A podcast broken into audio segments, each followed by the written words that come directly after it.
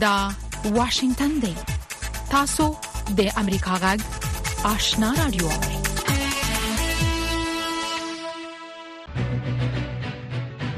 درنو اوریدونکو ستړي مشئ زه نام شابه آشنا تاسو په روانه خبرونه کې د سیمه او نړۍ په اړه رپورټونه هم اوري خو لمړی پام وکړئ د سیمې او نړۍ خبرونه ته ویان احمد الله ارچیوال د دوحې د غونډې په دوهمه ورځ د ملګرو ملتونو سرمنشي د ګډون کوونکو هیوادونو ترمنځ د بحث شوی مسایلو مهم ټکي روښانه کړل انټونیو ګوتیرش رسنیو سره خبرو کې دا ناسته رغنده وبلله او زیاته یې کړه د کلیدي مسایلو په اړه اجماع موجوده ده هغه له ترهګرۍ سره مبارزه، د ټولشموله حکومت جوړېدل، د بشري حقونو په ځانګړي ډول د افغان نجونو او ښځو حقونو خوندیتوب او یو سوله ییز او نړۍ سره مدغم افغانستان هغه ټکي یاد کړل چې له قوله یې نړیواله ټولنه پرې توافق لري خو ګوټېرش وویل دا هغه څه دي چې لا عملي شوي نه دي او نړیواله ټولنه یې په اړه اندېښمنه ده. په افغانستان کې د روسیې سفارت وایي د دوحې په غونډه کې د دوی استازي به له هغو افغانانو سره غونډه کې ګډون ونه کړي چې د افغانستان د مدني ټولنې په استازولۍ دې ناستې ته ورغلي دي سفارت نن په یوه اعلامیه کې ادعا کړې چې دا ملکي افغانان په غیر شفاف ډول ټاکل شوي په کابل کې د روسیې سفارت د دوحې په غونډه کې د طالبانو د نه ګډون له پریکړې هم ملاتړ کړي او دا یې د توجیه وړ بللې د نورستان په نورګرام ولسوالۍ کې طالب چارواکي او ځايي خلک وايي چې تېره شپه په دې ولسوالۍ کې د غره د ښویدو له امله لږ تر لږه پنځه ویشت کسان مړه شوي. د نورستان د اطلاعاتو او فرهنګ رئیس مولوي سمیع الحق حقبین رسنیو ته ویلي چې تر اوسه یې له خاورو لاندې د شپږو کسانو جسدونه را ایستلي. هغه ویلي، د پاتې نورو مړیو د را ایستلو لپاره د ژغورنې ډلې په کار لګیا دي. د نورګرام ولسوالۍ د طالبانو مرستیال ګوهر رحمان په یوه ویډیو کې چې د طالبانو تر کنټرول لاندې ملي تلویزیون په ایکس پاڼه خپره شوې ویلي چې له څلورو تر شپږو کورونو په بشپړه توګه ویجاړ شوي دي. د سالنګ لویه لاره له تېرې شپې راهیسې د سختې واورې ورېدو له امله د ترافیکو پر مخ تړل شوې د سالنګونو د ساتنې او مراقبت سیمه ییز چارواکي وايي چې له پرون راهیسې د واورې اورښت دغه لویه لار د بار وړونکو موټرو او مساپرو پر مخ تړلې. د سالنګ لارې د خلاصولو هڅې روانې دي او چارواکي وايي چې د لارې د خلاصولو لپاره یې کار پیل کړی. د سالنګ د لویې لارې د پرانیستلو د وخت په اړه تر اوسه معلومات نه دي ورکړل شوي. د سالنګونو دواړو غاړو ته د مساپرو او بار وړونکو موټرو قطارونه جوړ او خلک له ستونزو سره مخ دي. له امریکا غږ څخه خبرونو ته دوام ورکوو. د پاکستان او افغانستان یو شمېر سوداګرو د پاکستان له سوداګرۍ وزارته غوښتي، چې د دواړو هېوادونو ترمنځ د سوداګریزو توکو د تګ راتګ پنځه واړه دروازې د بشپړه سوداګریز فعالیت لپاره پرانیزي. تورخم لاره د سوداګرۍ د ټول تمرکز په خاطر له فشار سره مخ ده. د پاکستان او افغانستان د سوداګرۍ ګډې خونې په یوه اعلامیه کې ویلي، چې چمن، غلام خان او خرلاچي کې فعالیتونه محدود دي او ډېر بارونه د تورخم له لارې ځي. د امریکا د متحده ایالتونو مرکزي قوماندانۍ، سنټکام، وايي، په سره سمندرګي کې امریکايي ځواکونو له ځانه د دفاع په نیت د دوی په وینا پنځه بریالي بریدونه کړي. په دې اړه مو دې راپور ته پام راګرځوو. پنټاګون ویلي دی چې دا هوایي بریدونه امریکایي ځواکونو د خپل ځان نه دفاع په خاطر کړی چې د ځمکې او بحر لاره د حوثیانو بریدونه شنډ کړي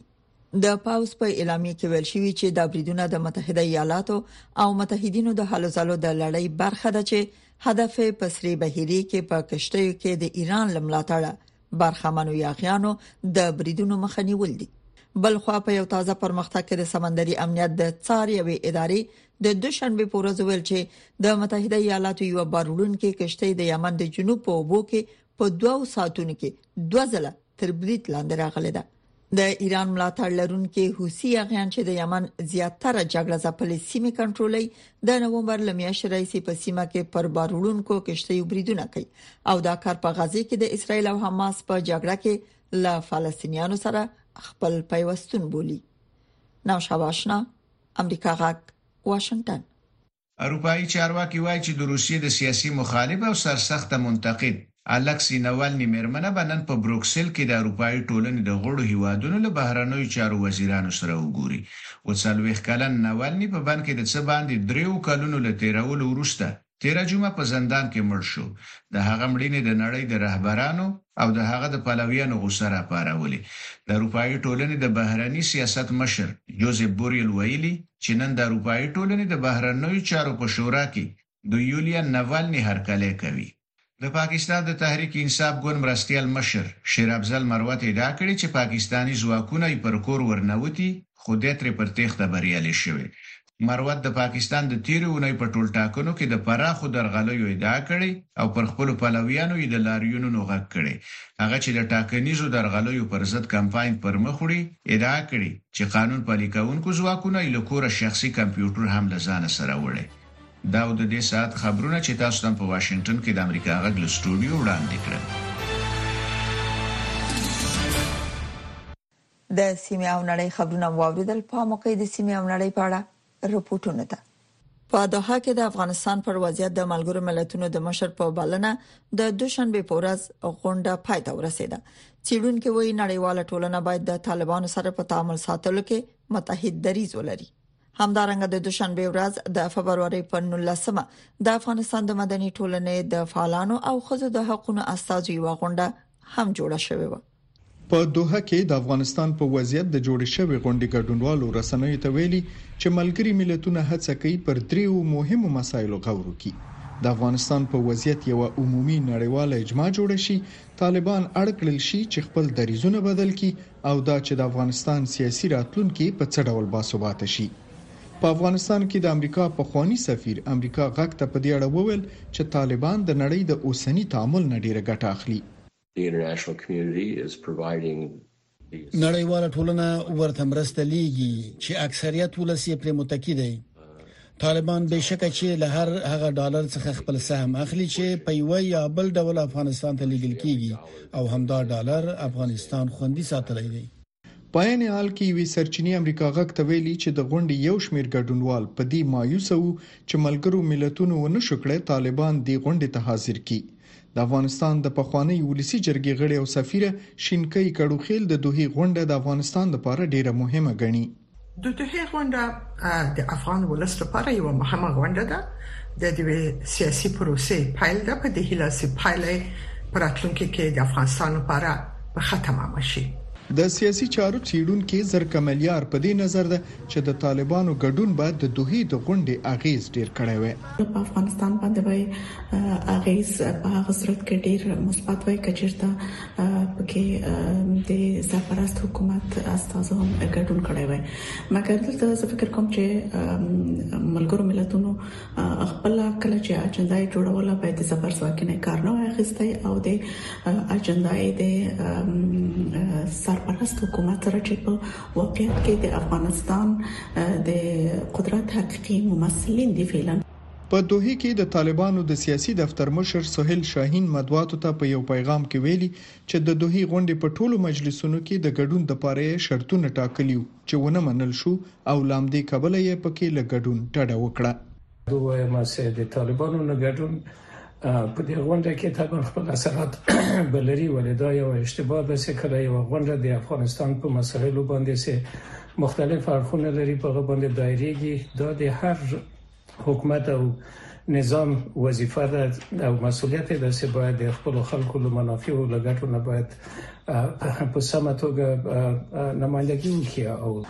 د غونډې ګډونوال تر ډیره په دې غږیږي چې د افغانستان اوسنیو چارواکو سره څرنګه د هغې خپلواکې ارزونې لمخې تعامل وکړي چې تیر کال د ملګرو ملتونو امنیت شورا په مرسته جوړه شوې وه انتظار پای ته ورسید ترنو لیدونکو او اوریدونکو تاسو کولی شئ د امریکا غا ټلویزیونی او رادیوي خبرونه د یاسات ساتلایت له طریقو وګورئ او واورئ د نوي ساتلایت لارې تاسو د آشنا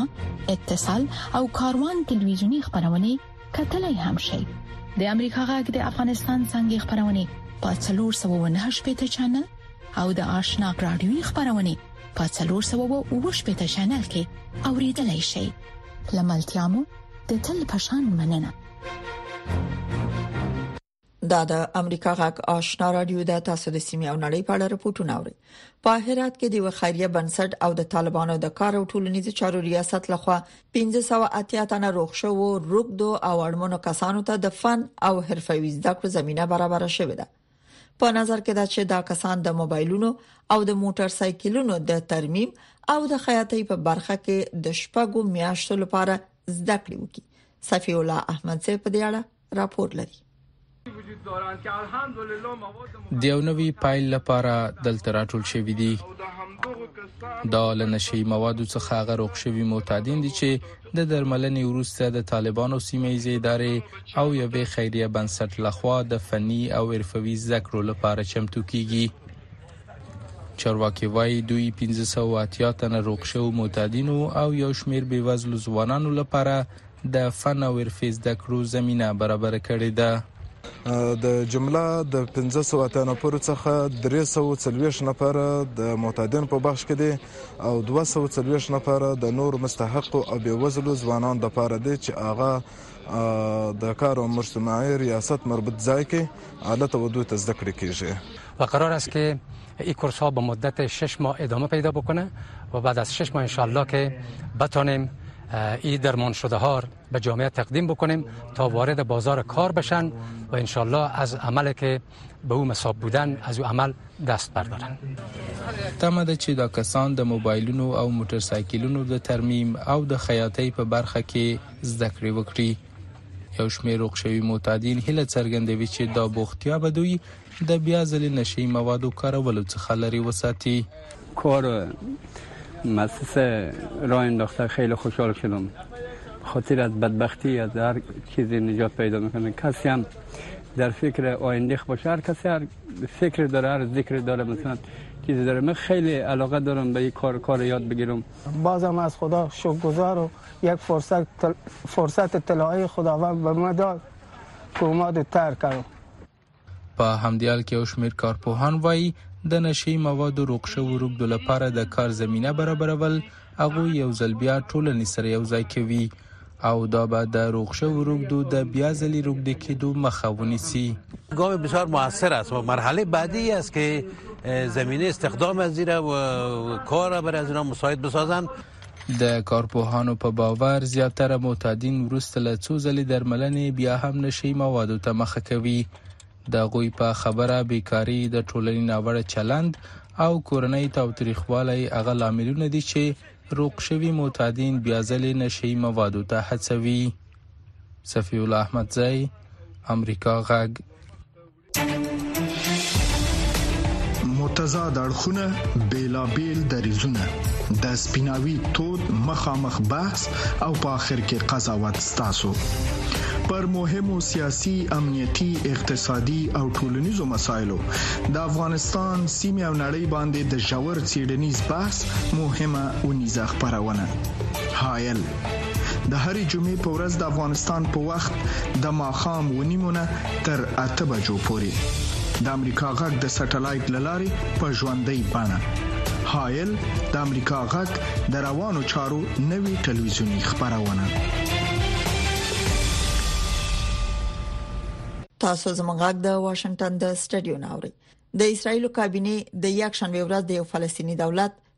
په رسمیت نه پیژندلو اعلان وکړ دا خبر ته سمحال مخ ته راځي چې په منځني ختیځ کې د تاوتریخوالي په زیاتېدو سره د امریکا په ګډون یو شمیر هوادونو د دوو دولتونو پر حل لارې په زیاتیدونکو توګه ټینګار کړي د اسرایل کابینه پرون د ټینګار د پریکړې په نوم هغه پریکړه چې په یو اړخیز ډول د یو فلسطینی دولت د جوړېدو سره مخالفت کوي تصویب کړه د اسراییلو لومړي وزیر بنیامین نتنیاهو دا موضوع د رای اچونې لپاره کابینې ته وړاندې کړې وه. هینه اڅرا. اسراییل د فلسطینیانو سره د یو دایمي نظم په اړه نړیوالې فتواوې په کلکه ردوي. دغه ډول نظم به یوازې د دواړو خواو ترمنځ د مخامخ خبرو له لارې ترلاسه کیږي. د اکتوبر له اومې وروسته دغه ډول رسمي پیژندنه یوازې ترهګرۍ ته د یوې لویې جایزې ورکولو په معنا ده. د اسراییلو لومړي وزیر تیر کال د حماس لخوا پر اسراییلو هغه برید ته اشاره کوله چې پکې 1200 اسراییلیان ووژل او 240 نور برمته شول د اسراییلو کابینه دا پریکړه یو ورځ وروسته له هغې کړې چې د امریکا د باندنوي چارو وزیر د میونخ د امنیتي غونډې په څنډه کې د اسراییلو د ولسمشر سره کتنه وکړه د منځني ختیځ د لانجې د اواري لپاره امریکا له وګد مهال را پدې خوا څخه د دوو دولتونو د جوړېدو ملاتړ کوي موږ د هغو خلکو چې د منځني ختیځ په لانجه کې راګیر دي په اړه خبرې کوو، په دې کې په غزه کې فلسطیني ښځې، سړي او کوچنیان شامل دي. موږ د هغو اصلي فرصتونو چې د یو بهتر او زیات خوندي راتلونکي لپاره زموږ، اسرائیل، فلسطینیانو او زموږ د منځني ختیځ د ټولو دوستانو په وړاندې پراته دي، په اړه هم فکر کوو. بلخوا په اسراییلو کې فلسطینیان د یکشنبې پر ورځ په رفح کې د اسراییلو د هوایي بریدونو له امله د رامنځته شویو ویجاړیو په لیدلو بوخت وو. په رفح کې فلسطینیان د اسراییلو ځمکني برید ته ځانونه چمتو کوي. د حماس د سرچینو له مخې، د اسراییلو په بریدونو کې تر دا مهاله اته ویشت زره فلسطینیان وژل شوي. د ملګرو ملتونو روغتیايي چارواکي وايي، چې په غزه کې دویم ستر روغتون د دوی په وینا اوس په بشپړ ډول ویجاړ شوی دی. بلخوا د یکشنبې په ورځ د غزې په شمال کې د جبالیه په نوم د فلسطیني کډوالو پنډغالي کې فلسطینیانو دوی ته د خوړو او درملنې د اسانتیاو د نه لاسرسي له امله وفي الم... وفي كل مكان په غزه کې زموږ په خلکو کې ساري ناروغي په تیزۍ سره خپريږي هلته هیڅ درمل نشته که درمل موجود هم وي هغه ته څوک لاسرسي نه لري تیره اونۍ د افریقایي ټولنې په سرمشریزه کې په ډیر ځواک سره اسرائیل وغندل شول. الجزایر په غزې کې د سمدستي اوربند په موخه دا اونۍ ملګرو ملتونو ته د یو پلان وړاندې کولو تابیا لري. د امریکا متحده ایالتونو لا وار د مخه د دغه ډول قرارداد د مسودې سره مخالفت کړی. امریکا په دې اړه د هغه متبادل چې له خپلو متحدینو سره پرې له څه وخت راپدیخوا کار کوي څخه ملاتړ کوي.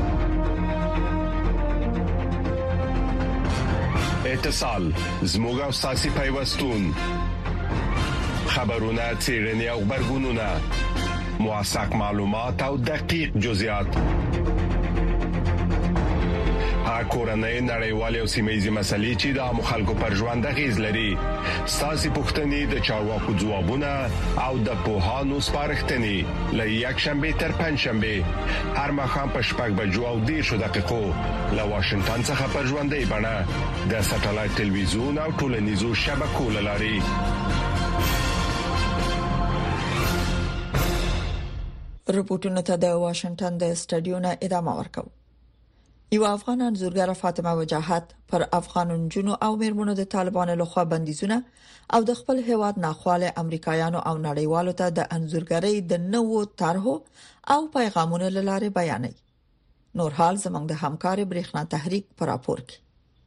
د خپل هیواد د نجونو هغه درد چې دوی د تعلیم څخه محرومې شوې دي د رنګونو په مرسته یې کاږي یویشت کلنه فاطمه چې څلور میاشتې مخکې د امریکا د متحده ایالاتونو د هارورد پوهنتون په یو تحصیلي بورس کې امریکې ته راغلې ده غواړي چې د خپلو تابلوګانو او انځورونو لاره د خپل هیواد پرنجونو او ښځو باندې د طالبانو له خوا د زده کړو او کار بندیزونه د کومو په پایله کې چې افغاني پېغلې او ښځې له خپلو انساني مدني حقوقو څخه بې برخه شوې دي د نړۍ ټولو انسانانو ته انځور کړي. توسط هنرم خواستم صدایم بلند کنم در مقابل طالبا و پیش از طالبا ما هنرمند خیابانی بودم و همراه گروپ هنر سالار من حیث آرتست یا هنرمند کار میکردم و بعد از اینکه حکومت سقوط کرد و طالبان آمدند دیگه ما کارای دیجیتلی ما شروع کردم. فاطمې د نړیوالو پام هغه وخت خپل ځان او خپل هنري کارونو ته راواړوه کله چې هغې د افغانو نجونو بې څېرو رسمونه په خپل انسټاګرام خپاره کړل. هغې په خپلو ټولو رساميو کې نجونو ته مکمله څېره نه ورکوله. هغه وايي دا کار یې ځکه کاوه او کوي یې چې اوس په افغانستان کې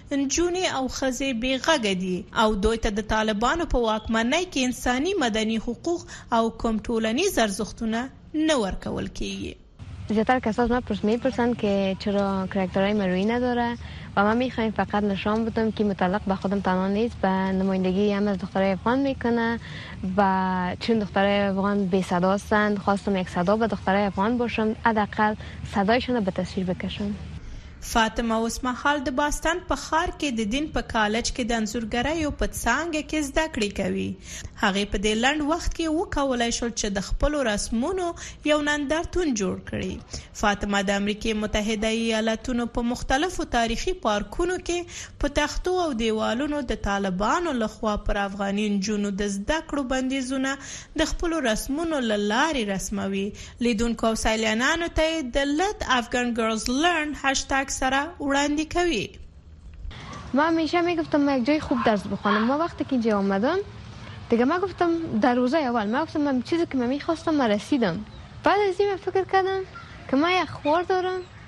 و دختر کاکا دارم و شاید مثل خوارم هزاران دختر دیگه از افغانستان که نمیتونن تا مکتب برن دیگه ما گفتم نه ما هنوزم به هدف خود نرسیدیم ما چطور میتونم مثلا ما یک جای بیایم درس بخوانم خوش باشم با وجودی که هزاران دختر در افغانستان تنها رویایشان رفتن به مکتب است فاطمه خپلې مبارزې ته دوام ورکوي. هغه غواړي د خپلو رسمونو له لارې څخه د افغانو ښځو وضعیت په افغانستان کې نړیوالو ته بیان کړي.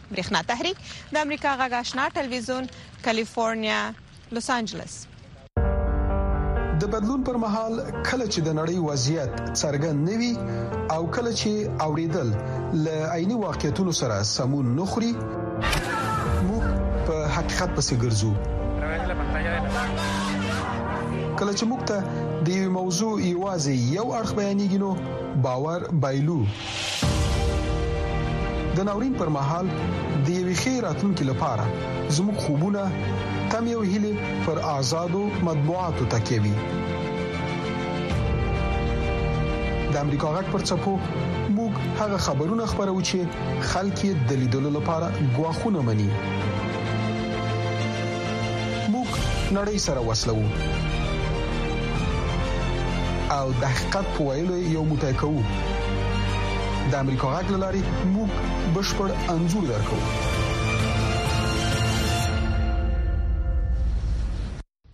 تاسو زموږ غږ د واشنگټن د سټډیو ناوړئ د افغانستان کرکټ بورډ وایي چې په روان 2023م کال کې د شپږیزه کرکټ لیګ او د افغانستان پریمیر لیګ سیالي تر سره کیږي د شپږیزې کرکټ لیګ سیالي لپاره یو کمیټه جوړه شوې او خبرې روان دي څو د غلوبې لشل اوریزه نړیوال جام سیالي نه مخکې تر سره شي نور حال پر راپور کې د افغانستان د کرکټ بورډ ویان سید نسیم سادات وایي چې دوی د 2023 میلادي کال لپاره ډېر پلانونه لري او غواړي چې د کورني کرکټ سیالیو د لارې ملي ټیمونو ته نوي لوبغاړي پیدا کړي. موږ سږ کال پلان لرو چې هم شپږیزه ترسره کړو او هم د شپږیزې ترڅنګ افغانستان پریمیر لیګ یا ای پي ایل هم ترسره کړو. البته یوه کمېټه جوړه شوې ده او شاید په دې خبرې روانې دي چې موږ کوشش وکړو دغه شپږیزه د نړیوال جام د شلوريز نړیوال جام تاسو جریان کې چې د 2023م کال شلوريز نړیوال جام په جون میاشت کې تر سره کیږي په ویسټ انډیز او په امریکا کې نو موږ کوشش کوو چې دغه شپږیزه د دغه جام نه رامخې ته کو ترسو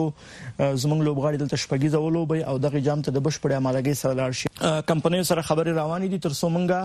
د ای پی ایل د تر سره کولو لپاره افغانستان پریمیر لیګ تر سره کولو لپاره افغانستان کرکټ بورډ یو ښه پارټنر یو ښه ملګری پیدا کی نو آلته هم مختلف پیشنهادات راغلي دي دا غي د لپاره یو جدا کمیټه ده پاغه هم غور کیږي چې کله موږ یو ښه ملګری ښه پارټنر پیدا کړو ان شاء الله تصمیم لرو چې د کال په پا پای کې بیا په ورستیو میاشتو کې ای پی ایل هم تر سره کړو د سادات په خبره، اوسمهال په ټول هېواد کې د کرکټ بورډ اړوند شاوخوا پنځه ویشت اکاډمۍ شتون لري چې ویشتونځای او مساحت ته په کتلو سره په هرې اکاډمۍ کې له څلور سوه څخه نیولي تر پنځه سوه پورې لوبغاړي په کې د مسلکي زده کړې په کار بوخت دي. نو موږ تقریباً په پنځه ویشت اکاډمۍ لرو. هیواد په بیلابیلو ولایتونو کې په لسګونه خصوصي اکاډمۍ هم شته ده ولې هغه خلکو سره هم کله چې اړتیا وي موږ غوي سره تخنیکی مرسته هم کوو نو 25 اکاډمۍ د کرکټ بورډ مربوطه اکاډمۍ دي او د دې ترڅنګ لسګونه خصوصي اکاډمۍ دي چې په بیلابیلو ولایتونو کې فعالیتونه فعالیت کوي او لوبغاړو ته مسلکي کرکټ زده کړه زده کړه کې خپل خدمات وړاندې کوي سکه هم موږ په پلان کې لرو چې په یو شمیر ولایتونو کې اکیډمي جوړ کړ د افغانستان کرکټ په ننګرهار کې دوه کونړ کابل هلمند زابل کندهار کندوز خوست او په پکتیا کې بیا د کرکټ یو یو لوبغالی لري چې د داخلي لوبو مهمه سیالي پکې تر سره کیږي او نیت لري چې په لاند وخت کې به په لغمان او لوګر ولایتونو کې هم د نویو لوبغالو جوړېدو چارې پیل شي موږ اوس په هر زون کې معیاري لوبغالي لرو او د کورنۍ کرکټ مهم ټورنمنټونه په تر سره کیږي همدارنګه مونږه تیر کال په پکتیا کې یو لوبغاله په اساسي ډول جوړ کړ د پکتیا لوبغاله دا همدغه لند ورځو کې ان شاء الله دا زیره ورکوم چې موږ به د لوګر او د لغمان په کرکټ لوبغالو باندې یا میدانونو باندې عملا رغنیزي چارې پیل کړو د ښاغلي سادات په وینا کرکټ بورډ ته د کرکټ نړیوال او آسیایي شوراګانو سربېره یو ټاکل اندازه بودجه د افغان حکومت له لوري هم ورکول کیږي چې موږ لوبي موږ خپل میډیا رائټس پلورو همدارنګه زمونږ د ټولنیزو رسنۍ کوم اکاونټونه چې دي حسابونه چې دی هغه مونټایز شوی دي نو مونږ د بیلابیلو لارینه لارونه پیسې لاس تراوړو چې هغه بنسټیزي درې ادارو نمونه مې چې واغ چې د کرکټ نړیواله شورا د کرکټ اسیایي شورا او همدارنګه حکومت یا دولت داغه درې برخې دي چې په ټوله کې دوی مونږ ته زمونږه بودیجه راکړي دا په داس حال کې چې د افغانستان د پریمیر لیګ د لومړی پړاو سیالي په 2013 کال کې تر سره شوې خو بیا تر اوسه دغه سیالي نه دي تر سره شوې او همدارنګه شپږ کرکټ لیګ سیالي هم تیر کال تر سره نشوې غورځنګ د امریکا غږ واشنگټن درنو اوریدونکو دا د اوس په یو سرمقاله ووري چې د امریکا د حکومت نظر څرګندوي امریکایان د هرې فروری په دریمه دوشنبه د جمهور رئیس ورځ لمانځي د لمانځل د مخکنیو جمهور رئیسانو او د برحاله جمهور رئیس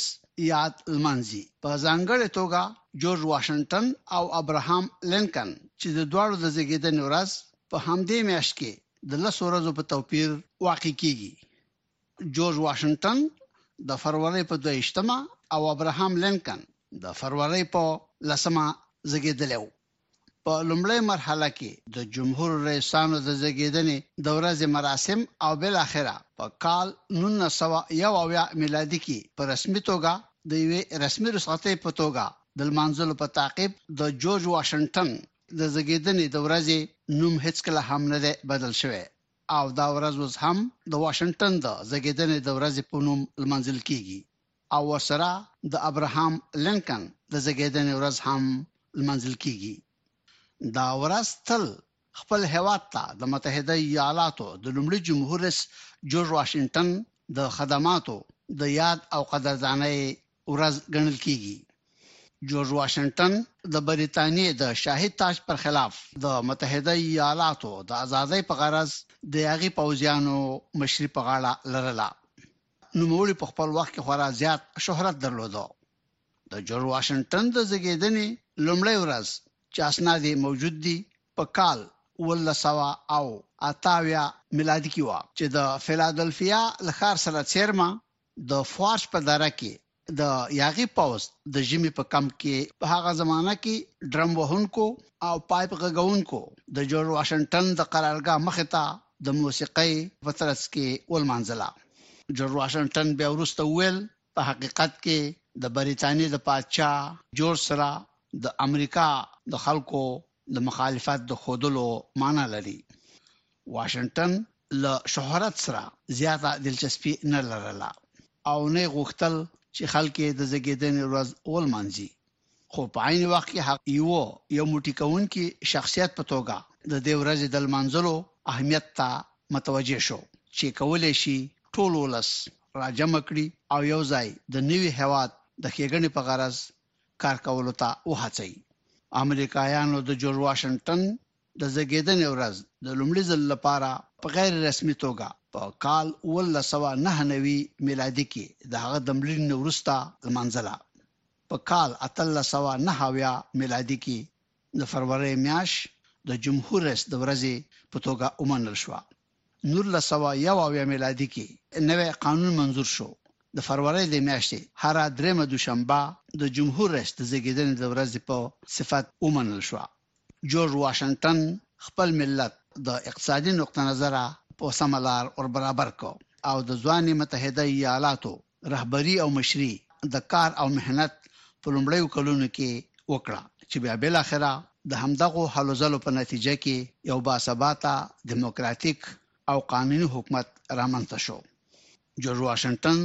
د خپلې دویمې دورې په پای کې په خپله رضا او رغبت د قدرت چارې نوي جمهور رئیس ته په سوله ییزه توګه انتقال کړې او په دې ترتیب د ټولو راتلونکو جمهور رئیسان لپاره یو ښه مثال قائم کړ درنو اوریدونکو خبرونه په همدې ځای پای ته ورسیده تر بیا خدای ماچ